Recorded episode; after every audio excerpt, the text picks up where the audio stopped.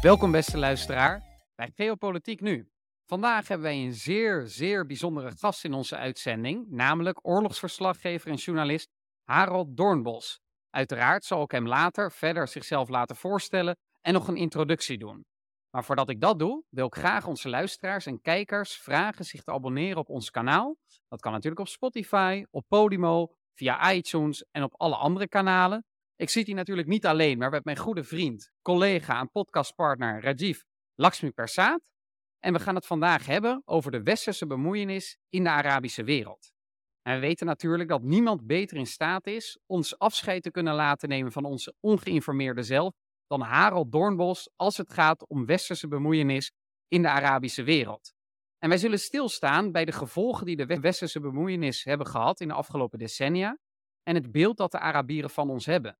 En het interessante is dat Harold ons natuurlijk meer kan vertellen over het perspectief van de gewone Arabier. En natuurlijk ook over de geopolitieke implicaties van die westerse bemoeienis. Daar zullen wij uitgebreid bij stilstaan. Maar voordat we dat doen, willen wij graag natuurlijk Harold eh, de kans geven zichzelf voor te stellen. En misschien ook een klein uitstapje maken naar de Balkan en de spanningen die daar oplopen. Allereerst, Harold, zou je jezelf willen voorstellen voor onze luisteraars? Ja, heel goed. Uh, ik ben een Nederlandse journalist en je noemde het woord Balkan al zelf. Uh, ik ben eigenlijk begonnen als jonge journalistje nadat ik de Academie voor Journalistiek had afgemaakt. En een poging had gedaan om politicologie te studeren aan de UvA. Maar ja, toen braken de oorlogen uit in het voormalige Joegoslavië. Dus daar ben ik toen naar de Balkan gegaan. Dat zou een halfjaartje worden als journalist, maar dat, ja, dat bleef maar doorgaan eigenlijk. Dus Kroatische oorlog, Bosnische oorlog, Kosovaarse oorlog, Kosovo-oorlog. Dus dat werden uiteindelijk acht, negen jaar. Daarvan, daarna ben ik naar India en Pakistan gegaan. En tot die tijd werkte ik veel voor de NOS, met name voor de NOS Radio en zo, en voor de Nederlandse kranten. En dan heb ik een paar jaar in India en Pakistan gewoond, onder andere 9-11 vanuit Pakistan verslagen. Vervolgens naar Beirut verhuisd in Libanon. En nou ja, toen brak ongeveer de Arab Spring aan in 2011. En daar heb ik vervolgens, uh, ja, naar al die landen, ben ik naar al die landen gegaan. Uh, Syrië, Irak, Libië, Egypte en dergelijke. En ik woon inmiddels in Dubai. Uh, ik zit nu ook in Dubai, waar het erg heet is. Kan, je, kan ik je vertellen, 44. Ik heb net eventjes gecheckt, want ik moest wow. net met de auto eventjes ergens naartoe. En daar stond op de, dit metertje van de auto 44 graden. Dus uh, het maakt verder allemaal niet uit. Hè, dat, dat weet je. Je weet waar je aan begint en dergelijke. Dubai is een veel rustigere plek. En ik heb nog nooit een verhaaltje gemaakt over Dubai of over de United Arab Emirates. Uh, maar ik gebruik Dubai eigenlijk als een soort van basis om snel, of in Syrië of in Irak, of in Koerdistan of in andere landen in de regio te zijn. En ik heb sinds twee jaar met mijn Libanese vrouw een zoontje. Dus ja, de afgelopen twee jaar heb ik ook niet heel veel interessante dingen gedaan voor, voor de mensheid. Dus ik denk dat we het met name kunnen hebben over die periode voordat we een zoontje hadden. Ik zit nu ook, uh, ik ben nu voornamelijk bezig met luiers uh, verschonen en dergelijke. Maar ook superleuk man. Het leukste eigenlijk wat me ooit is overkomen om een zoontje te krijgen. En vlak voor de uitzending nog even de uh, zoontje naar school gebracht? Ja, hij gaat naar de crash inmiddels. Hij is bijna twee. Ja, nee, echt zo leuk. Het is echt ik weet niet, ik denk ook omdat, omdat ik al zoveel, nou ja, 30, 32 jaar al in het buitenland woon, al die oorlogen, al die crisisgebieden ben geweest, al die in die oorlogen gewoond heb, dat je ook, als je dan nu een, een kindje krijgt, een, een jochie krijgt, samen met mijn vrouw, dan voelen we, uh, zij is ook journaliste en zij heeft ook al inmiddels heel veel dingen gedaan, voel je het echt heel erg een bekroning op die dingen die je gedaan hebt. Ik kan me voorstellen als je een jonge hond, een jonge journalist bent van 22 of 24, en dat je dan een zoontje krijgt, ja, dat je dan denkt, oeh jee, daar gaat mijn carrière als journalist of zoiets. Maar bij mij is dat dus, omdat ik er wat lang mee heb gewacht om een kind te krijgen, is het een beetje net andersom. Dus het voelt als een bekroning van, ja, wat ik toch gedaan heb. Dus ik vind het echt helemaal fantastisch. Het is een goede family planning gedaan. ja, ja. Tenminste, zo ervaar ik het wel, ja. Nou, top. Ik heb eh, even een vraag. Je hebt 30 jaar lang in het buitenland gezeten. En de eerste 8, 9 jaar natuurlijk op de Balkan. De laatste weken slash maand lopen de spanningen enorm op, met name tussen Servië en Kosovo. Zou je voor onze luisteraar kunnen duiden wat er nu eigenlijk aan de hand is en welke belangen op het spel staan? Ja, kijk, wat interessant is, is dat op de Balkan is natuurlijk eigenlijk niks nieuws. Het is allemaal eigenlijk, zijn hele oude conflicten al, stammend eigenlijk uit, uh, nou ja, de Eerste Wereldoorlog is er ongeveer om begonnen. Hè, om, om de moord in, in Sarajevo, wat natuurlijk echt gedaan werd door ultranationalistische Serviërs, die eigenlijk wilden dat een groot Servië werd uh, gecreëerd. Dus die sentimenten spelen nog allemaal een enorme rol. En wat we dan de afgelopen uh, weken in, Nederland hebben meegekregen van die problemen, die recente problemen in Kosovo, is dat er een ontzettend, ontzettend gedoe is tussen Albanese autoriteiten in, in Pristina, die 95% van Kosovo, wat al een heel klein landje is trouwens, uh, controleren. En 5% van de, in de rest van Kosovo, in het noorden van Kosovo, waar Serviërs nog altijd wonen. Etnische Serviërs. Onder andere in de stad Mitrovica. En ja, helaas. Ik, ik heb er jaren gewoond in Pristina in de jaren negentig. Serviërs en, en Albanese gaan gewoon niet uh, door, de, door dezelfde deur heen. Die, die, haten elkaar gewoon. Het is een soort van, net als uh, Palestina-Israël conflict. En dat gaat ook gewoon de komende tijd niet veranderen. Dat is eigenlijk ook afgelopen decennia, misschien afgelopen honderd jaar al zo geweest. Dus het is niet realistisch om aan te nemen dat dat volgende week beter is of zoiets. Dus die Pristina, dus de Albanese autoriteiten, willen ook die laatste 5% waar Serviërs wonen, in het noorden van Kosovo, willen ze eigenlijk terug. En die Serviërs voelen erbij al hangen dat als Pristina, als de Albanese dat deel van Kosovo, hun deel van Kosovo innemen, ja, dan rest hun eigenlijk niks anders, omdat die relaties zo slecht zijn tussen beide bevolkingsgroepen. Rest die Serviërs niks anders om gewoon dan maar vluchteling te worden en naar Servië te gaan. Dat is natuurlijk waanzinnig, uh, ja, waanzinnig heftig gevolgen voor die Serviërs. Dus die verzetten zich daar met man en macht tegen. En dus heb je dat op het moment dat Albanese, uh, de Albanese politie naar Noord-Kosovo stuurt om daar de verkiezingsuitslag af te dwingen, uh, zie je dat die Serviërs daar heel erg heftig op reageren. Stenen gaan gooien, met handgranaten gaan gooien, soms gaan schieten. En dat er enorm veel uh, problemen ontstaan. En dat Servië dan ook dreigt om haar leger vanuit het nabijgelegen Servië Kosovo in te sturen. Om, en net zoals de Russen deden met bijvoorbeeld Donetsk in Oost-Oekraïne, om die etnische Serviërs daar te hulp te komen. Uh, in het noorden van Kosovo. En dan heb je natuurlijk helemaal de pop aan het dansen. Want ook in Kosovo heb je NAVO-troepen en die zouden dan weer uh, tegen die Servische troepen moeten gaan vechten. Dus dan krijg je min of meer toch een soort van uh, gigantisch internationaal conflict. En ja, daarom is het eigenlijk zo belangrijk wat daar gebeurt. En ook zo logisch dat er veel aandacht voor is. Maar om dus voor, de, voor de luisteraar vat ik hem ja. even samen. Kosovo, een heel klein landje, dat bestaat voor 95% uit etnische Albanese, maar het is wel ja. onafhankelijk, en 5% Serviërs. En ja. daar is een strijd tussen. En in het noorden, daar liggen de Servische provincies. En daar waren eigenlijk Serviërs zelf in enige autonomie aan de macht. De etnische Serviërs wonend in Kosovo. En nu was er een verkiezing en hebben de Albanese gezegd, er moet toch een Albanese burgemeester of leiderschap worden aangesteld. Ja, want die Albanese hadden wel aan de verkiezingen meegedaan. Die paar Albanese die in dat Servische gebied wonen. En die Serviërs hadden de verkiezingen uh, geboycott. Dus officieel hadden de Albanese partijen gewonnen. Want ja, er hadden 20 of nee, iets van 200 Albanese hadden gestemd. En de 100.000, uh, of ik weet niet precies hoeveel duizenden Serviërs, die waren thuisgebleven. Die hadden niet gestemd. Dus ja, die partijen hadden verloren dan. Maar goed, dat leidt dus tot enorm veel uh, frictie op het moment dat Albanese Special Forces dan die verkiezingsuitslag gaan afdwingen. Om je een idee te geven, in, in het jaar 2000 was ik zelf al in Mitrovica. Het gaat met name om de stad Mitrovica. Dat is voor de ene deel is het Albanese, de andere deel is het Servisch. Dus op het moment dat die Albanese die, die, grensrivier daar in die stad overgaan, die brug overgaan, dan, dan nou, worden ze met stenen bekogeld. En als Serviërs naar de Albanese zijde zouden gaan, krijgen ze ook gedoe. Waanzinnig haat, een soort van uh, hond en kat. Die moeten elkaar gewoon niet. Maar bijvoorbeeld, dus die ellende is niet nieuw. Want in het jaar 2000, heb je het dus over 23 jaar geleden, rende ik daar al rond samen met een Belgische collega, ook in dat noorden van Mitrovica. Toen wilden de Amerikanen daar eigenlijk ook, nou ja, net, net als nu, wilden ze daar naar die Servi het Servische deel van de stad gaan uh, om daar criminelen te arresteren. Nou, dat werd ook totaal niet geaccepteerd door die Servische bevolking. En ik weet nog dat we daar rondrenden. Ik was met die Amerikaanse soldaten mee. Eh, dat was gewoon een goed verhaal. Dat die allemaal, die, die, die Amerikanen werden met stenen bekogeld en stokken. En die, die, die Amerikanen, dat ze nou krijgen ze. Die hadden dat totaal verkeerd ingeschat. Die dachten, ja, we gaan gewoon even zeven criminelen uit een huis halen en that's it. Maar dat werd natuurlijk door die Serviërs gezien als, oh, de Amerikanen zijn pro-Albanese. Zo is. Dus daar gaan we nou, die gaan we proberen de stad uit te jagen. Nou, dat is behoorlijk gelukt. En ik weet nog dat die Amerikanen op een gegeven moment wegreden, want die schrokken zich helemaal lam. Die waren ook gewond en mensen hebben bloed en dergelijke. En ik was met die Belgische collega en de, die Amerikanen zeiden, ja, wij gaan nu weg, man, want we worden gewoon gelyncht.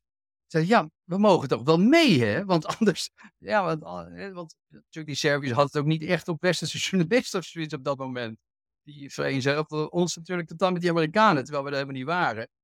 Dus die Amerikanen zeiden van, ja, eigenlijk kan je niet mee. Dus we dachten, oh jee, man, we worden gewoon binnen, binnen vijf minuten worden we doodgeslagen door een grote groep bewapende Serviërs met knuppels en zo. Nou, toen hebben ze die Amerikanen nog snel even overleg gehad. En voordat ze wegreden, zeiden ze: Ja, oké, kom maar mee, want we denken inderdaad, jullie anders worden doodgeslagen. Dus toen zijn we in die, uh, in die Amerikaanse Humvees gesprongen. En onder een enorme uh, ja, regen van stenen en stokken zijn we zo uh, Noord-Mitrovica toen uitgereden. toen kwamen we in het Albanese deel aan, nou, de cappuccino genomen. De enige ellende was dat onze auto nog in het Servische deel stond. Dus die hebben we toen via via na een paar dagen teruggekregen. Maar ja, dus om alleen maar aan te tonen dat het zijn niet problemen van uh, vandaag of gisteren of zoiets. Dit is dus 2000, dus 23 jaar geleden al, dat verhaal wat ik net dus het speelt, het speelt al sinds de Eerste Wereldoorlog. Het is al heel vaak mm. tot een enorme gewelddadige uitbarsting gekomen. Jaren 90. En nu, waarom speelt het nu weer zo op? Wat maakt het nu weer zo prangend? Ja, ik, ja dit keer was het uh, om, omdat ja, die Albanese besloten om, om die special forces naar het noorden te sturen. Dus veel mensen zeggen van ja, de, Serviërs proberen daar een soort van, op verzoek van Poetin, proberen de Serviërs een soort van tweede front te creëren, een, een oorlog te creëren in Europa. Dat geloof ik eerlijk gezegd op dit moment niet zo in, omdat je kon echt zien, dit was omdat de Albanese uh, die special forces naar, naar dat noorden Servische deel van Kosovo hebben gestuurd, waar die Serviërs op reageerden. Dus ja, dat gebeurt gewoon soms zo, helaas. Dan is het weer een paar jaar rustig en dan plotseling slaat de vlam weer in de. Ja, nou ja, het gaat gewoon dan helemaal verkeerd. En uh, tijdens Tito, tijdens Joegoslavië was het natuurlijk decennia rustig. En op een gegeven moment kwamen er toen ook al uh, demonstraties en botsingen en rellen en dergelijke. Dus ja, het is gewoon een gebied, laten we zeggen, waar je als crisisjournalist wel je, je brood kan verdienen, ja. Ja, dat kan ik me voorstellen. In Balkan is het altijd hitsig er heel veel vuur. Dat zit ook diep gebakerd in die cultuur.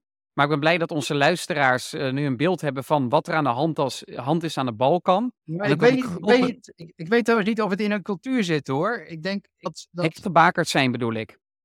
Ja, nee, dat vraag ik me ook af. Ik, ik, ik oh, valt dat mee? Ja, ik, vind, ik was een tijdje geleden in Bosnië en daar is nu ook zo suf als maar kan. Daar staan ze nog wel met een. Uh, ik ben door een politieman aangehouden. En die stond met zo'n geweer langs de kant van de weg. Maar dat was zo'n snelheidsgeweer. Dus ik was, ik was toch met Bosnië altijd wat andere geweren gewend en dergelijke. Dus toen moest ik een boete betalen van, ja, 12 euro. Dus dat maakt me ook niet uit, omdat ik te hard gereden had. Dus ik dacht, nou, Bosnië is wel veranderd. Van de periode dat ik het ken uit de oorlog of zo. Dus ja, ik denk, ik weet niet of zij het gebakerd zijn. Maar er zit op een gegeven moment zit je in een situatie waarin ja, je gewoon bepaalde keuzes moet maken. En mensen zouden ook liever niet in die situatie hebben gezeten natuurlijk. En het, het mooie aan, aan landen als Nederland bijvoorbeeld is, is dat je uh, stabiliteit hebt, of misschien had, want ik weet niet of Nederland nog heel stabiel is op dit moment, maar uh, je, je had een soort van stabiliteit waarin de bevolking of de mensen nooit uh, tot bepaalde keuzes werden gedwongen, omdat de situatie gewoon heel erg rustig is. En dan is het natuurlijk ook makkelijk om te zeggen, ja, Nederlanders zijn nuchter. Ja, want het gaat heel vaak ook nergens om. Dan kan je er wel nuchter over doen. Ja, nou, wat maakt mij het uit? Maar hè, als het echt gaat om vraagstukken van het aanpassen van grenzen. Uh, jouw je, je kan, als er een beslissing wordt genomen door de politiek, kan dat betekenen dat, dat jij vluchteling wordt of juist niet vluchteling wordt. Nou ja, moet je kijken als dat in Nederland zou gebeuren, hè, hoe emotioneel mensen dan worden. Ik bedoel, als je als, de NS het een keer een dag het niet doet, worden mensen volgens mij al emotioneel. Hè, laat staan dat als er echt hele grote dingen gebeuren. Dus ik denk dat omdat de Balkan op zo'n ja, politiek zo'n heet uh, gebied is, dat de mensen dus eh, ja, heel vaak ook van die hele moeilijke en grote beslissingen in hun leven moeten nemen. Waardoor het misschien lijkt alsof ze heel erg heet gebakerd zijn of iets dergelijks. Terwijl, ja, natuurlijk zit er verschil tussen de gemiddelde Nederlander en de gemiddelde Balkanees. Dat, dat geef ik helemaal toe. Het is toch wat meer flamboyant. En eh, kom op, hè, kom met ons mee. Hè. Als je in, in Servië of Bosnië op de weg vraagt, dan zit je over het algemeen een half uur later met elkaar te eten. En dat is in Nederland wel anders. Want als je in Nederland tegen in Nederland, uh, dat heb ik soms, soms kom ik nog wel eens een keer in Nederland. Mijn moeder woont nog in Nederland, in Groningen en zo. Kom ik in Nederland en begin zo tegen iemand te praten of zoiets. En dan kijk ze aan is deze man uh, uit een gesticht of zoiets? Of uh, die begint zomaar tegen je te praten. Dat, dat vinden veel Nederlanders dat toch heel niet hebben. Is er iets nee, maar terecht punt. Ik denk dat de Balkan veel meer blootgesteld is aan vragen van leven of dood. En grotere existentiële vragen, dan ben je ook ja, gewoon veel meer emotioneel betrokken. Dus in die zin, heel terecht punt, denk ik. Ik heb nog wel een uh, vraag nog over de Balkan. Is, er is het hoop dat bij de EU-top, maar ook bij ja, andere politici, dat als we eigenlijk de Balkanlanden incorporeren binnen de Europese Unie, alleen Kroatië en Slovenië zijn daarvan lid, maar ook de overige Balkanlanden, dat er eigenlijk een mindere noodzaak is om per se grenzen te trekken op basis van etniciteit. Ja. Dat de, de noodzaak voelen zij zich nu wel, maar als je eenmaal in de EU bent, dan zijn eigenlijk alle landen onderworpen aan dezelfde mensenrechtenverdragen en uh, andere verdragen van goed bestuur, als het ware. Hoe kijk jij er eigenlijk naar? Dat als zijn, ze zijn denk ik, weet ik, ik denk dat ze bijna allemaal kandidaatlid zijn. Ik weet niet van Servië, uh, maar van de anderen weet ik het wel. Uh, ja, hoe kijk je daar aan? Van als ze eenmaal lid worden, dat het vanzelf zal dalen, de spanning. Dat de noodzaak voor grenzen naar etniciteit zal afnemen. Ik denk dat je daar wel een heel goed punt hebt. En ik denk dat dat inderdaad, ja, toch inderdaad wel een soort van laatste mogelijkheid is om ook weer voortdurende ellende en spanning uh, te voorkomen.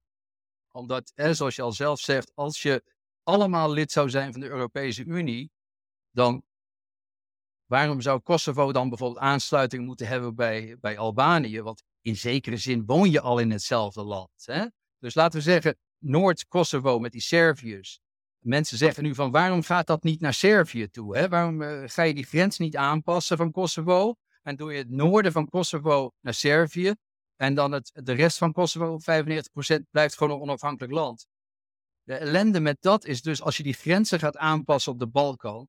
Zelfs als het maar een heel klein grensaanpassingje is, dat natuurlijk dan andere bevolkingsgroepen, bijvoorbeeld in Bosnië, gaan dan Serviërs en Kroaten zeggen: ja, maar wij wonen nou in Bosnië, daar zijn we ook niet heel erg blij mee. Wij willen graag, en Serviërs willen graag aansluiting bij Servië. En de Kroaten, in, eh, de katholieken in Bosnië willen graag aansluiting bij Kroatië. Dus als Noord-Kosovo bij Servië kan, dan willen uh, de Bosnische Serviërs naar Servië, de Bosnische Kroaten naar Kroatië.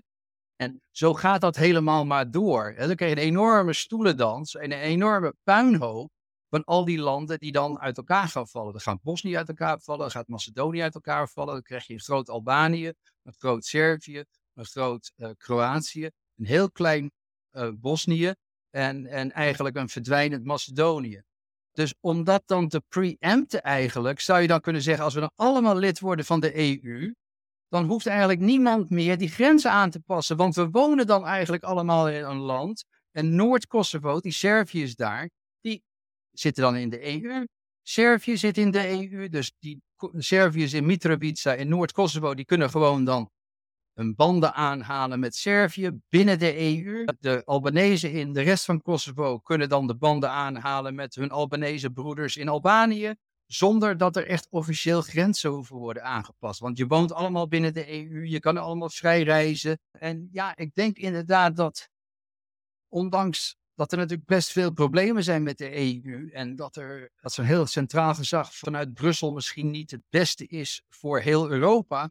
Maar op dit moment voor uh, zo'n gebied als de Balkan zou dat wel een oplossing kunnen zijn. Misschien tijdelijk, maar in ieder geval een betere oplossing dan wat we nu hebben. En de alternatieven zijn dus ook ellendig, omdat ik wat ik al schetste, als je al die grenzen gaat veranderen, dat gaat natuurlijk nooit vreedzaam gebeuren in al die landen. Dus dan krijg je een recept voor extra conflict. Ja, ik heb het al uitgerekend. krijg je elf oorlogen dus. En dan kan je maar beter eigenlijk met z'n allen bij de EU komen. En dan, nou ja, dan eh, het idee hebben dat je dan als Albanese of als Serviër of als Kroaat dan met je Kroatische broeders in één gebied kan leven. En vaak wat ook, uh, ik zeg het bijna in elke podcast, is politics that divide with trade that unite. Als ze in de EU zijn, dan denk ik dat de onderlinge handel ook zal toenemen. En dat je als bijvoorbeeld Serf extra bij gebaat bent als een Albanese in Kosovo blijft leven. Als het jouw klant of jouw leverancier ik is. Ik geloof, ik geloof daar niet in. Nee? Nee, nee, nee. Dat, ja, natuurlijk zal, is het handig als je eh, als een Servische winkelier uh, aan Albanese kan verkopen, zal die het doen natuurlijk en andersom. Maar uh, uiteindelijk echt de grote, nee, die, die, die wat je dan zal zien als al die landen bij de EU komen, is dat, laten we zeggen, een Serviër in Mitrovica, die zal nooit en te nimmer zuid, in zuidelijke richting naar Kosovo reizen en nooit met een Albanese omgaan, maar zich zijn hele leven alleen maar focussen op het, op, nou, in noordelijke richting, richting Servië. En met Albanese zal dat ook zo zijn. Die zullen alleen maar in zuidelijke richting kijken, eh, richting Albanië. En ja, dat is nou eenmaal zo. En natuurlijk, uh, economische belangen, wat in zekere zin hebben Servië en Kroatië, wat natuurlijk toch ook aardsvijanden zijn en blijven, hebben bijvoorbeeld belang bij bepaalde uh, snelwegen hè, die de EU maakt in, in, in zuidoostelijke richting. Dus dan stemmen ze allebei wel voor zo'n snelweg of zoiets, omdat het naar beide landen gaat. Maar als je nog altijd in Kroatië bijvoorbeeld zegt van, uh, ik spreek Serbo-Kroatisch, als ik dan daar een Servisch woord uitspreek in Kroatië, krijg ik wel gezeik hoor. Dat zijn heel kleine, hele kleine verschillen tussen Servisch en Kroatisch. Dus als ik bijvoorbeeld klep, dat is een Servisch woord voor, voor, voor brood zeg, in, in plaats van kroeg, wat het, het Kroatische woord voor brood is, nou ja, dat, dat moet je echt gewoon voorkomen, want dan krijg je gewoon gezeik. Dus dat ligt nog altijd ook, zelfs de laatste keer dat er werd gevochten in Kroatië in 1995 met de Serviërs, ligt dat na al die jaren nog altijd echt uh, hypergevoelig hoor. Dus ik denk dat die gevoelens veel belangrijker uh, meespelen, veel belangrijker rol zijn dan uh, economische samenwerking of iets dergelijks. Oké, dus de emoties bij de bevolkingen spelen heel ja, ja. een grote rol. Uh, ja, als we het toch over emoties hebben, om dan een brug te slaan. Ja, we hebben het al aan het begin aangegeven dat we het ook over Midden-Oosten willen hebben, over westerse interventie in het Midden-Oosten. Nou, dat gaat ook met heel veel emoties gepaard, als het ware, bij die bevolkingen zelf. Ja. Uh, maar voordat we even daar gaan kijken, uh, wat versta jij zelf eigenlijk onder, want dat wordt vaak gebruikt in de media, of westerse interventie of westerse bemoeienis. En wat versta je daar precies onder? En zijn er eigenlijk verschillen tussen harde interventie en ook soft ingrijpen, softe interventie. Ja, kijk, sowieso denk ik dat we ten eerste al moeten bekijken dat, eh, zeker als het gaat om het Midden-Oosten natuurlijk, dat, dat de bemoeienis van het, Midden eh, van het Westen bij het Midden-Oosten natuurlijk, maar van de laatste, uh, laten we zeggen sinds 1918 is. Hè? Dus daarvoor was het allemaal Ottomaanse Rijk. Dat realiseren we ons vaak niet. Het is altijd natuurlijk, oh, Westen heeft verschrikkelijke dingen gedaan en Westen heeft dat gedaan, de grenzen getrokken. Ja, deels waar. Maar voor het Midden-Oosten geldt natuurlijk dat het eigenlijk gewoon uh, het gebied Ottomaanse koloniën, eh, koloniën waren van het Ottomaanse Rijk. Tot 1918. Dus die westerse, uh, de initial uh, westerse rol was maar eigenlijk heel kort. Hè? Bijvoorbeeld Frankrijk in Libanon en in Syrië en de Britten in Syrië en Irak. Ja, dat was eigenlijk alleen maar tussen de Eerste Wereldoorlog en het einde van de Tweede Wereldoorlog. Toen al die, toen al die landen onafhankelijk werden. Dat is de, de, directe interventie die er was. Waarbij het Westen dus eigenlijk maar een paar decennia een hele belangrijke rol speelde. Maar daarvoor waren gewoon de Ottomanen, de Turken, die daar honderden jaren gezeten hebben en alles bepaald hebben en alles ingericht hebben. Wat we nu met bemoeienis zien, omdat natuurlijk het Westen toch de economische dominante positie heeft, het Westen natuurlijk, ja, toch heel veel dingen bepaalt. Economisch supersterk, economische supermachten, militaire supermachten. En het Westen heeft natuurlijk zich toch heel erg bemoeid met het Midden-Oosten afgelopen decennia. En heel vaak toch ook op een hele ongemakkelijke manier. Uh, waarbij er enorm veel oorlogen en ellende natuurlijk zijn uitgebroken en, is aangericht. En veel mensen hier in het Midden-Oosten hebben zoiets van: ja, Kijk, jullie kunnen jullie altijd wel voordoen als de, de mensen die met goede bedoelingen komen om, om ons hè, te helpen, van het verlossen van een dictator of om goed te doen of iets dergelijks, om ons op te letten. Maar aan het eind van de dag jullie maken altijd oorlog bij ons en wij eigenlijk nooit bij jullie. Is nog nooit, hè, het is nog niet echt uh, dat Syrië Nederland is aangevallen of zoiets. Hè? Of, of Irak in Londen een contingent soldaten hadden. Nee, het is altijd andersom. Dus dat zet toch wel uh, behoorlijk veel kwaad bloed. En zeker bij die harde ingrepen, denk je bijvoorbeeld aan de Irak-oorlog, die, die Irak-invasie en, echt van dat regime change, harde regime change. Ja, dan zie je ook dat de gevolgen daarvan zo extreem zijn. Bijvoorbeeld in het geval van Irak, waarbij Saddam Hussein, geen leuke man, hè, don't get me wrong. Maar waarbij de verwijdering van Saddam Hussein natuurlijk toch heeft geleid tot een totale chaos in Irak. Wat ervoor heeft, hè, terwijl die man, hè, seculiere Saddam natuurlijk helemaal niks te maken had met Al-Qaeda en met de Taliban, waar die natuurlijk geframed werd door de Westen. Hè. Eerst werd Afghanistan aangevallen na 9-11 en toen uh, Saddam. Saddam had natuurlijk allemaal niks te maken met 9-11, maar goed. De oorlog daar, de invasie daar, heeft natuurlijk tot zoveel puinhopen en ellende geleid, dat we zelfs tot één, twee jaar geleden, nou ja, je herinnert je nog wel met ISIS en dergelijke, dat is natuurlijk allemaal een gevolg geweest van die 2003-invasie. Die chaos in het Soenitisch land, waarbij het deels Soenitisch land, waarbij natuurlijk dan Soenitische extremisten proberen de macht te grijpen. En dat heeft jaren geduurd en dat heeft honderdduizenden mensen levens gekost. Dus je merkt wel dat uh, mensen natuurlijk in de regio zoiets hebben van, ja, realiseren jullie zich, als Westelingen, realiseren jullie eh, jezelf wel wat jullie allemaal hebben aangericht bij ons, joh. Want het is natuurlijk... Op en worden, ik, ik ben benieuwd, het Westen heeft natuurlijk heel vaak ook hard ingegrepen. Je noemde net al het voorbeeld van de Irak-oorlog. En dan is er een grote, uh, hoe zou ik het zeggen, publieke rechtvaardiging geweest, namelijk Saddam Hussein moest weg, want het is een dictator, hoewel die in eerdere tijd tijdens de Iran-oorlog in het begin nog even gesteund is door de VS. En toen het ook al duidelijk was dat het een dictator was. Uh, maar dat er een publieke rechtvaardiging ook was dat hij weapons of mass destruction, dus kernwapens, atoomwapens mogelijkerwijs zou hebben. Worden dat soort intenties van publieke rechtvaardiging eigenlijk geloofd in het Midden-Oosten? of wordt daar toch gewoon met cynisme naar gekeken en het ging gewoon om keiharde geopolitieke belangen, bijvoorbeeld rondom olie?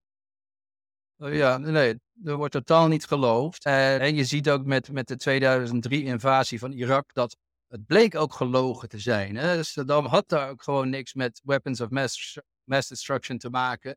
En die had ook verder helemaal geen link met Al-Qaeda. Zeker omdat hij dus ook een seculier regime had. Dus dat was ook wel een beetje 2 plus 2 is 4. Maar ja, uiteindelijk is die oorlog, heeft die oorlog plaatsgevonden en dergelijke. En ja, iedere keer dat er een dictator opstaat, uh, is het dan de taak van het Westen om, om dan met allemaal bloedvergieten democratie door de, door de strot van die mensen, die lokale mensen dan te, te duwen? Ik stel daar werkelijk grote vraagtekens bij. Ten eerste, als je al democratie gaat afdwingen en het, kost 400.000 doden. Wat denk je dat mensen dan denken van, van democratie? dat is nou niet eh, dat ze zeggen van, goh, nou, dat, uh, dat, is een geweldig systeem. De hele familie is uitgeroeid. Dus je begint al zo slecht. En daarbij... een heel drukke boodschap, maar het klonk inderdaad wel grappig uh, hoe je het zei. Vandaar mijn glimlach. Ja, ja nee, maar, maar, maar dat is natuurlijk gewoon zo. de, de, ellende is ook dat, dat ja, dit bestaat gewoon heel omdat ik ben Westerling, ik woon hier in, in het Midden-Oosten en ik heb in al die andere landen gewoond. Jullie hebben gewoon geen idee wat een waanzinnig verschil er bestaat tussen de samenlevingen in het Oosten, hoe die opgebouwd zijn, hoe die functioneren, en samenlevingen in het Westen. En tuurlijk, jullie kennen, ik zeg jullie, ik wil niet jullie persoonlijk, hè, maar... Ja, mag ook hoor, ons persoonlijk. Uh, ja. Wij mogen ook aangesproken worden. Europeanen, Westelingen, Jullie denken werkelijk met, met een hele Nederlandse of Westerse bril op dat de hele wereld denkt zoals jullie denken. En dat is natuurlijk totaal niet zo. Als je wereldverkiezingen zou hebben, hè, dan zouden jullie, jullie systeem zou een soort van SGP zijn. Hè? Een soort van klein partijtje in het wereldparlement, zo met 3, 4 procent van de stemmen of iets dergelijks. En that's it. Maar omdat jullie sterk militair zijn en sterk economisch zijn, kunnen jullie al die, eh, kunnen jullie doen alsof jullie de grootste en de belangrijkste partij ter wereld zijn. Maar als je echt, hè, als India een uh, stem zou hebben in de Veiligheidsraad, wat het niet heeft, als Pakistan een stem zou hebben in de Veiligheidsraad, zou het wel eventjes anders zijn. als we echt verkiezingen zouden hebben waarin alle stemmen van Chinezen, Indiërs, Pakistanen, Afrikanen, als dat allemaal zou tellen, dan zou natuurlijk de wereld er wel heel erg anders uitzien.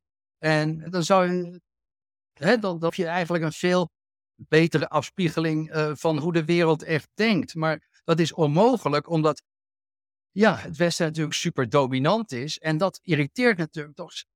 Zeker in een wereld waar je internet hebt, waar je natuurlijk kan vliegen van het ene naar het andere continent binnen een paar uur. Ja, begint dat toch wel steeds meer te wringen. En beginnen mensen zich hier toch af te vragen van, ja, we halen die gasten ook in het Westen direct vandaan om al hun, hè, met hun westerse bril, die hele wereld proberen te veranderen. En ons, ons wat zit daarachter? Hè? Waar, waarom willen zij dat wij uh, LGTB, uh, al, al die rechten, waar, waarom zouden we dat in Afghanistan moeten doen of in Irak moeten doen? Niemand heeft daar ooit bij stilgestaan. Uh, niemand staat daar ooit bij stil. Het is totaal geen issue in zo'n hele samenleving. Waarom zouden ze hier met het milieu moeten bezig zijn? Ik het gaat natuurlijk om hele andere zaken hier. Dus uh, mensen in, in de Arabische wereld, maar veel groter eigenlijk, overal buiten de westerse wereld, voelen dat er bepaalde items bepaalde topics ontzettend door de strot worden gedrongen door een, ja, westerse elite, dus dan zelfs mensen die niet, rijk zijn in, in het Westen, zijn nog aan behoren nog altijd wel mondiaal gezien tot de westerse elite. En ja, dat zet hier toch wel erg veel uh, ja, kwaad zeer. En, en dat, dat, dat ja, gaat er niet echt goed in. Dat zie je ook in uh, Afrika. Ik zag uh, afgelopen weken, was er een grote top in Afrika. Zag je ook Paul Kagame, de president van Rwanda. Van wie ik zelf een heel hoog beeld heb.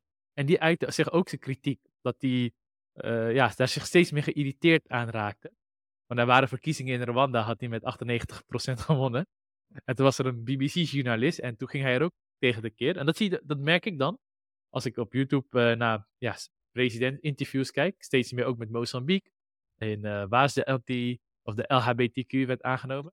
Uh, in Oeganda zag ik dat. Ook in India, de Jay Shankar, minister van Buitenlandse Zaken. Ja, die gaf ook dat... aan van, we don't, need we don't need any lessons anymore. Precies. dus dat kan ik wel zien. Maar als we dat zo hebben, wat ik zelf denk, is dat een soort van logisch tussen aanhalingstekens voortvloeisel is, omdat er was eerst kolonisatie. En dan heb je nu een beetje het postkoloniale tijdperk, waarbij de soort van de moederlanden alsnog veel invloed hadden. Dat hadden we in de podcast met uh, Sahel besproken, Frans-Afrique.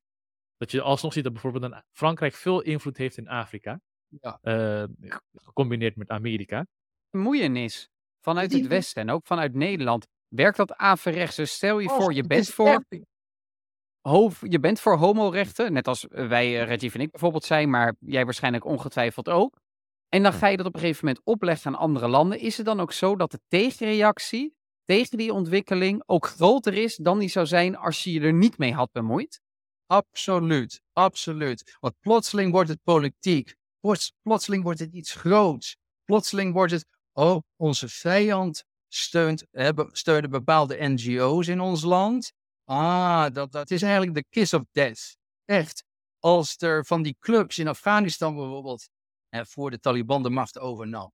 Die clubs, die Afghaanse clubs, die dan Amerikaans of Europees geld kregen voor het accepteren van homorechten en dergelijke. Die, die, die, groepen werden altijd, die kantoren werden altijd een paar dagen later, werd iedereen vermoord. Dus het is werkelijk, het is, het is ook nog zelfs strategisch heel erg dom om dat te doen. Omdat Bijvoorbeeld op een gegeven moment gingen de Amerikanen in Kabul gingen ze een, uh, een regenboogvlag op de ambassade zetten tijdens ja, een, een of andere dag voor homorecht.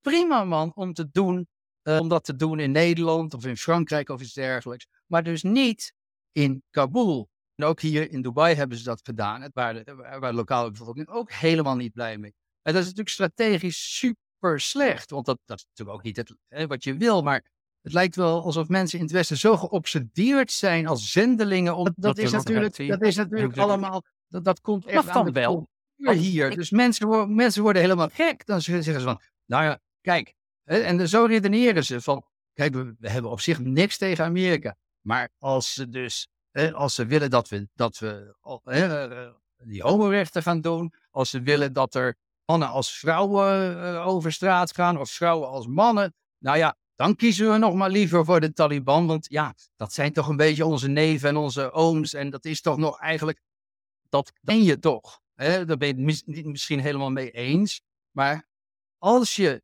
de Taliban populair wilt, hebben, wilt maken, dan moet je inderdaad zo'n regenboogvlag op je ambassade in Kabul zetten. Eh, bang, dan ben je gewoon zeer stupide, ben je gewoon alle lokale steun kwijt. Hè? Toen... Oh, even een kritisch oog daar ook bij. Want je zou misschien kunnen zeggen, misschien kunnen we daardoor patronen doorbreken in de cultuur en de politiek. En kunnen vrouwen het voorbeeld stellen voor nieuwe meisjes om uiteindelijk de politiek in te gaan. Wie, wie, is er nu aan de macht in, in Afghanistan? De Taliban. Omdat natuurlijk door dit soort achterlijke copy-paste westerse maatregelen.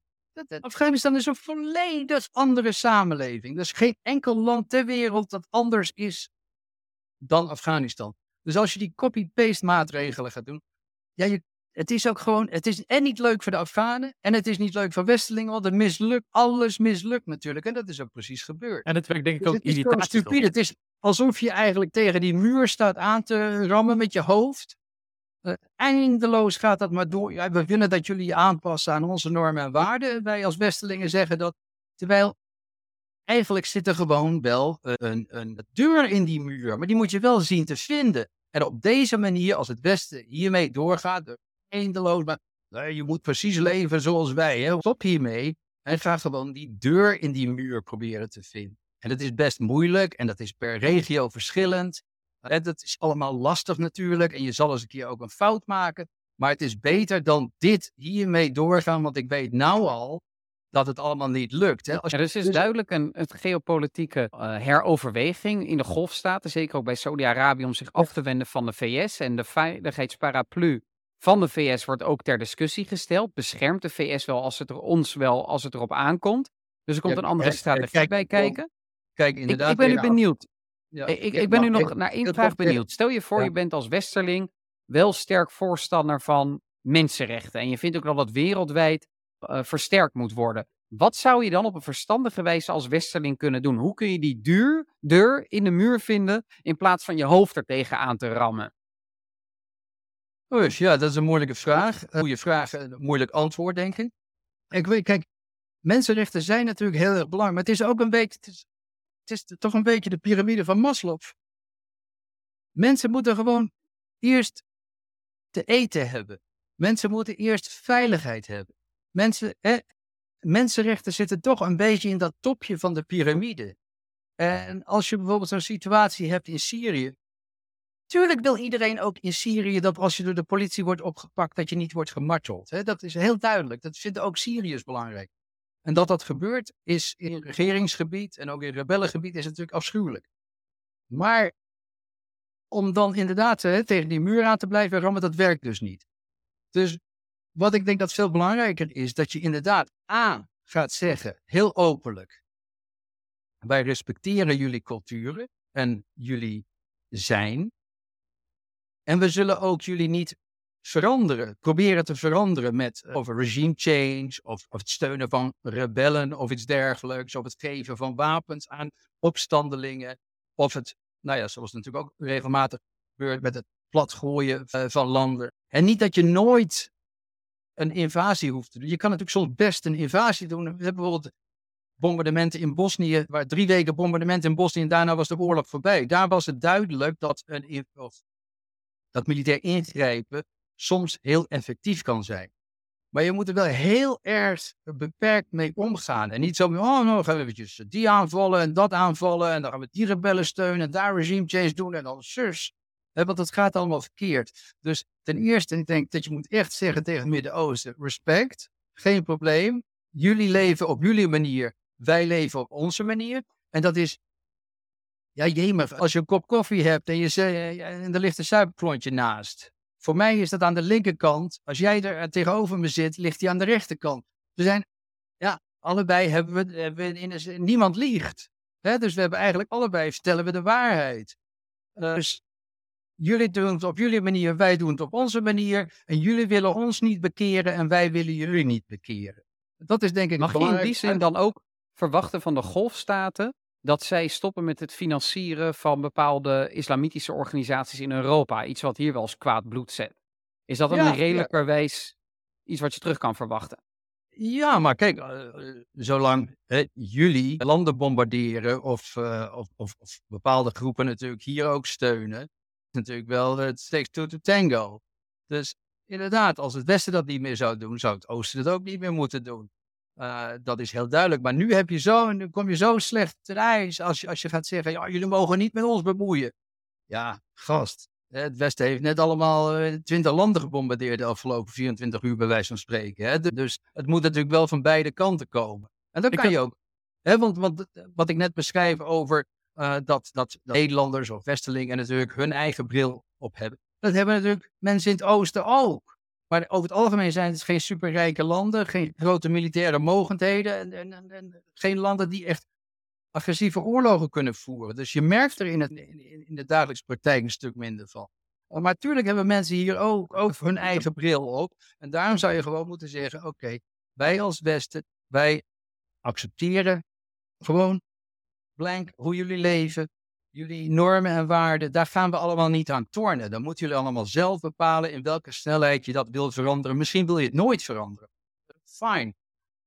Natuurlijk, dan krijg je die respect ook terug Ja. van het Midden-Oosten. Die zeggen: oké, nou ja, goed. Nu zitten we goed in een discussie. Hè? Hoe kunnen we bijvoorbeeld. eh, hoe kunnen we milieuproblematiek aan- aanpakken? Want ja, voor ons is dat niet zo'n niet zo'n groot probleem. Want wij zijn met name met armoede bezig, armoedebestrijding bezig. Nou, dan kan je met elkaar gaan uitleggen. En dan, dan kom je tenminste tot een zinvolle discussie. Maar nu is het, en dat zag je ook met de voetballen in Qatar. Jee, al die sjaaltjes gaan dragen en die buttons tegen Qatar. En nou ja, dat is natuurlijk het slechtste voorbeeld van hoe je ooit een conflict of hoe je ooit eigenlijk veranderingen kan maken in het Midden-Oosten of in de moslimwereld. Want zelfs hier in Dubai, en toen waren ze toch nog heel erg, hadden ze een slechte relatie met Qatar, zeiden ze, alle mensen hier in Dubai zeiden, nou ja, goed hoor, wat, dat die Qa- Qataris gewoon niet, eh, niet luisteren naar die Westelingen met hun eh, moralistische gepraat en uh, zendelingengedrag. Hartstikke goed, we staan achter Qatar. Terwijl hè, op dat moment hadden Qatar en, en de UAE echt nog een hele slechte relatie. Ik Eh, vraag me eigenlijk af waar het ook een beetje vandaan komt. Want als ik naar de Nederlandse geschiedenis kijk en geschiedenis van Europa, kijk eigenlijk ook naar koloniale geschiedenis, dan zie je, natuurlijk, in de oude kaart zie je hele wereldrijken. Maar in het echt was het vaak dat de koloniale mogelijkheden hadden dan de kuststeden in handen. Maar de binnenlanden lieten ze regeren door de lokale heersers, dus de lokale koningen. In India maar- zag je hetzelfde, want ze hadden het ook door van, ja, we moeten niet tot in detail de cultuur soort van bepalen. Ook in de Koude Oorlog zie je dat. We steunen ook in Zuid-Amerika. Hebben we genoeg dictators ondersteund. Zo, ja, ze mogen daar doen wat ze willen, zolang ze maar in ons kamp horen. En eigenlijk zelfs in Syrië waren we denk ik ook bereid om ja, salafistische groepen te steunen. In Afrika zie je dat.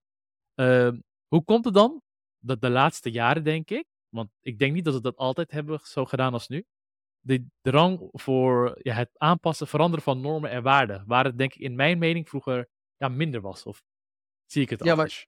Ik denk dat de discussie die jullie in Nederland zelf voeren ook al anders is dan het 10 of 15 jaar geleden was. Bedoel, het is nu echt. Je kan niet een, een t-shirt kopen of mensen zeggen: Ja, is het wel een eerlijk t-shirt? Het is wel een eerlijk t-shirt. Zeg Ja, wat bedoel je daarmee, man? En ja, nee, is het dan gemaakt met water dat niet eh, uit die en die rivier komt? Dan Weet ik veel waar we mensen het over hebben. Het is voor mij, omdat ik zo lang al weg ben, ook wel moeilijk om die discussie soms nog te volgen. Maar alles moet een eerlijk product zijn. Dus eh, over alles zit bijna een soort van sausje van moraliteit. Ja. En ja, dus ook je relatie met andere landen, die natuurlijk en andere culturen, die dingen op hele andere wijze doen. En die natuurlijk op een hele andere manier in het leven staan. Een hele andere normen en waarden hebben. Eigenlijk denk ik accepteren dat, dat landen in eigenheid kunnen internationaliseren. Ik denk dat dat een belangrijk is. Heeft het misschien ook te maken met dat tot en met begin jaren negentig er een duidelijke publieke rechtvaardiging was als je een ander land wilde binnenvallen of wilde indammen, namelijk het communisme. Eh, voor de VS dan publieke rechtvaardiging. En dat vanaf de jaren 90 en 2000 er veel minder die natuurlijke geopolitieke eh, publieke rechtvaardiging was. En dat we die op een gegeven moment maar zijn gaan zoeken in dat moralistische verhaal rondom uh, homorechten, democratie, vrouwenrechten. Waar ik zelf trouwens allemaal achter sta, maar niet op de wijze waarop. Ik ook, man. Uh, maar, maar, precies, maar, snap ik, maar niet op die manier geopolitiek uitgedragen. Uh, dat het vooral daarin zit. Wij zijn die natuurlijke publieke Oh, rechtvaardiging kwijt die we ten tijde van de Koude Oorlog hadden. Dus we moesten iets nieuws zoeken. En we wilden eigenlijk onze geopolitieke, economische belangen keihard behartigen met invallen. Nou, dat gaat het publiek niet zomaar mee akkoord. Dus we hebben het hier maar opgegooid. precies. De goede zaak is er niet mee gediend. Het is logisch dat je voorstander bent voor mensenrechten. Maar als jij dat aan andere mensen gaat opleggen, dan gaan zij misschien wel juist meer naar de kant toe die jij probeert te bevechten, zoals je net aangaf. Dat moeten we niet op die manier doen. Ik ben dan wel benieuwd, omdat je dat net ook wel liet blijken. Je bent natuurlijk al langere tijd weg uit Nederland. En de discussie is hier ook enorm veranderd. En ook in de westerse samenleving, of je nu Polen als wester ziet of niet, maar in Polen ziet, ook in delen van Nederland en ook in eh, Amerika, dat er wel eens wordt gezegd, de elite wil heel erg bepalen hoe wij leven. Zie je eigenlijk dezelfde tendensen terug van bepaalde delen van het Westen naar het Midden-Oosten toe, die je ook terugziet binnen het Westen zelf? Ja, ik denk, nou ja, zoals je die vergelijking nu maakt, komt dat wel over met eh, gevoelens die, laten we zeggen, de periferie heeft ten opzichte van het centrum. En ja, ik denk wel dat dat zo wordt gevoeld. eh, dat rijke, militair krachtige landen ook bepalen van hoe mensen moeten gaan leven. Bijvoorbeeld, zijn ook hele nieuwe problemen, zoiets als Netflix of zoiets. Hartstikke leuk. Iedereen kijkt hier ook Netflix. Lokale bevolking en zo. Maar dan zijn er bijvoorbeeld van die, van die series. eh, waarin, laten we zeggen, twee vrouwen met elkaar gaan trouwen. Ja, dat, me- dat, dat- zeggen mensen hier zoiets van. Ja, waarom moet dat nou? En dat zal met zo'n serie nog wel meevallen of zoiets. Maar als dat iedere keer gebeurt, gaan natuurlijk mensen zich toch afvragen van wat is hier de bedoeling van? Willen jullie onze manier van our way of life gewoon echt veranderen? En als jullie dat willen, want daar lijkt het toch wel erg op met het zendelinggedrag. En dat zou natuurlijk wel jammer zijn, want dan krijgen we weer die confrontatie. Dus het is nu ook een uitgelezen mogelijkheid voor het Westen om nu juist ook to tone down, doe rustig aan. Accepteer gewoon dat die landen hun eigen manier hebben van leven en manier van samen zijn, waar je misschien zelfs juist van kan leren. Hè? Bijvoorbeeld wat, hoe Pakistaanse families en Indiase families leven. Hoef je niet allemaal te kopiëren of zoiets, maar er zitten ook hele mooie elementen uit. eh, hele elementen in, die je misschien zelfs in het Westen zou kunnen toepassen. Dus nu is de uitgelezen mogelijkheid, nu, nu, nu eigenlijk de echte Arabische Spring, de Arab Spring is begonnen met die verzoening die nu plaatsvindt in het Midden-Oosten. Nu is juist het uitgestoken hand ook naar richting het Westen toe van mensen, jullie ook rustig aandoen. Verzoening is eigenlijk de toekomst. En niet meer al die gekke dingetjes eh, richting ons proberen te doen. Want dan gaan wij, eh, wij zijn, we zijn niet meer die zwakke, dat verdeelde Midden-Oosten van vroeger. Wij zijn nu ook sterk. En nou ja, dus ik hoop dat eigenlijk het Westen die hand eh, aanneemt. En dat ze ook Ik denk ook dat we als Westen dat die hand moeten aannemen. Eh, omdat je anders ook geopolitiek krediet verspeelt. En Ja. het Westen die verzet zich natuurlijk ook Absoluut, tegen absoluut. een, nou, niet per se tegen een multipolaire wereldorde op zichzelf, maar vooral een niet aan regels gebonden multipolaire wereldorde, waar elke sterke speler in een bepaalde regio militair zijn gang kan gaan. En dat kun je daarmee voorkomen. Het voordeel is in ieder geval dat, wat onze lezing betreft, Amerika minder hardcore belang heeft in het Midden-Oosten, dus wellicht ook minder geneigd is om militair in te grijpen. Want da- vandaar kan ook meer ruimte ontstaan voor het Midden-Oosten om gezamenlijk op te trekken. Dus dat is denk ik heel positief. Dan wil ik je nu aan het einde van de podcast heel, heel erg bedanken, Harald. Voor eh, het eh, ja, uitgebreide verhaal en ook de analyse vanuit het Midden-Oosten. We hebben er heel veel van geleerd en ook van genoten. Rajiv, heb jij nog enkele afsluitende woorden? Ja, ik kan het me wel heel erg in vinden. Ik denk ook dat, of je nou voor een multipolaire of bipolaire wereldorde bent, eh, ik denk dat we daar naartoe gaan groeien. En vooral omdat ook de demografie, kunnen we een andere keer over hebben, hebben we vaak over gehad, de wereldbevolking zal in die delen ook flink gaan groeien. Dus ik denk dat het automatisch is dat er daarom wat meer ruimte wordt gegeven aan die landen. Om zelf wat meer eh, Ja. hun eigen pad te gaan. En ik denk zelf ook, ben ik het eens met Harald, dat als je aan verzoening doet, dat je denk ik samen nog dichter bij elkaar kan komen. Bijvoorbeeld kijk naar Vietnam. En een relatie tussen Amerika en Vietnam is nu nog beter zonder oorlog dan tijdens oorlog. Eh. De Taliban heeft ook aangegeven, ik volg Afghanistan. Ik ben even de naam van de woordvoerder kwijt. Die gaf ook aan van, tuurlijk, ze hebben een hele andere, hele eigen levensstijl. Maar ze zeiden, we willen vrienden met jullie zijn. We willen graag bevriend met jullie raken. Ja, ik denk dat het dan handig is om dan even voorbij die, inderdaad, dat zendelingengedrag te gaan. En ook, dat, ook die uitgestoken hand, die dus blijkbaar wel is, aan te nemen, te accepteren. Dus uh, ja. Ik een goede samenvatting. Harald, jij nog afsluitende woorden? Uh, nou nee, kijk, dat, uh, dat ben ik heel met jullie eens. En nou ja, dat, dat, dat zijn juist ook mijn woorden van probeer verder te kijken dat je neus lang is. Zet die Nederlandse bril af. En dat zijn een beetje clichés, maar het is gewoon wel echt belangrijk. Topics die in jouw leven hartstikke belangrijk zijn, spelen totaal niet hier in het Midden-Oosten.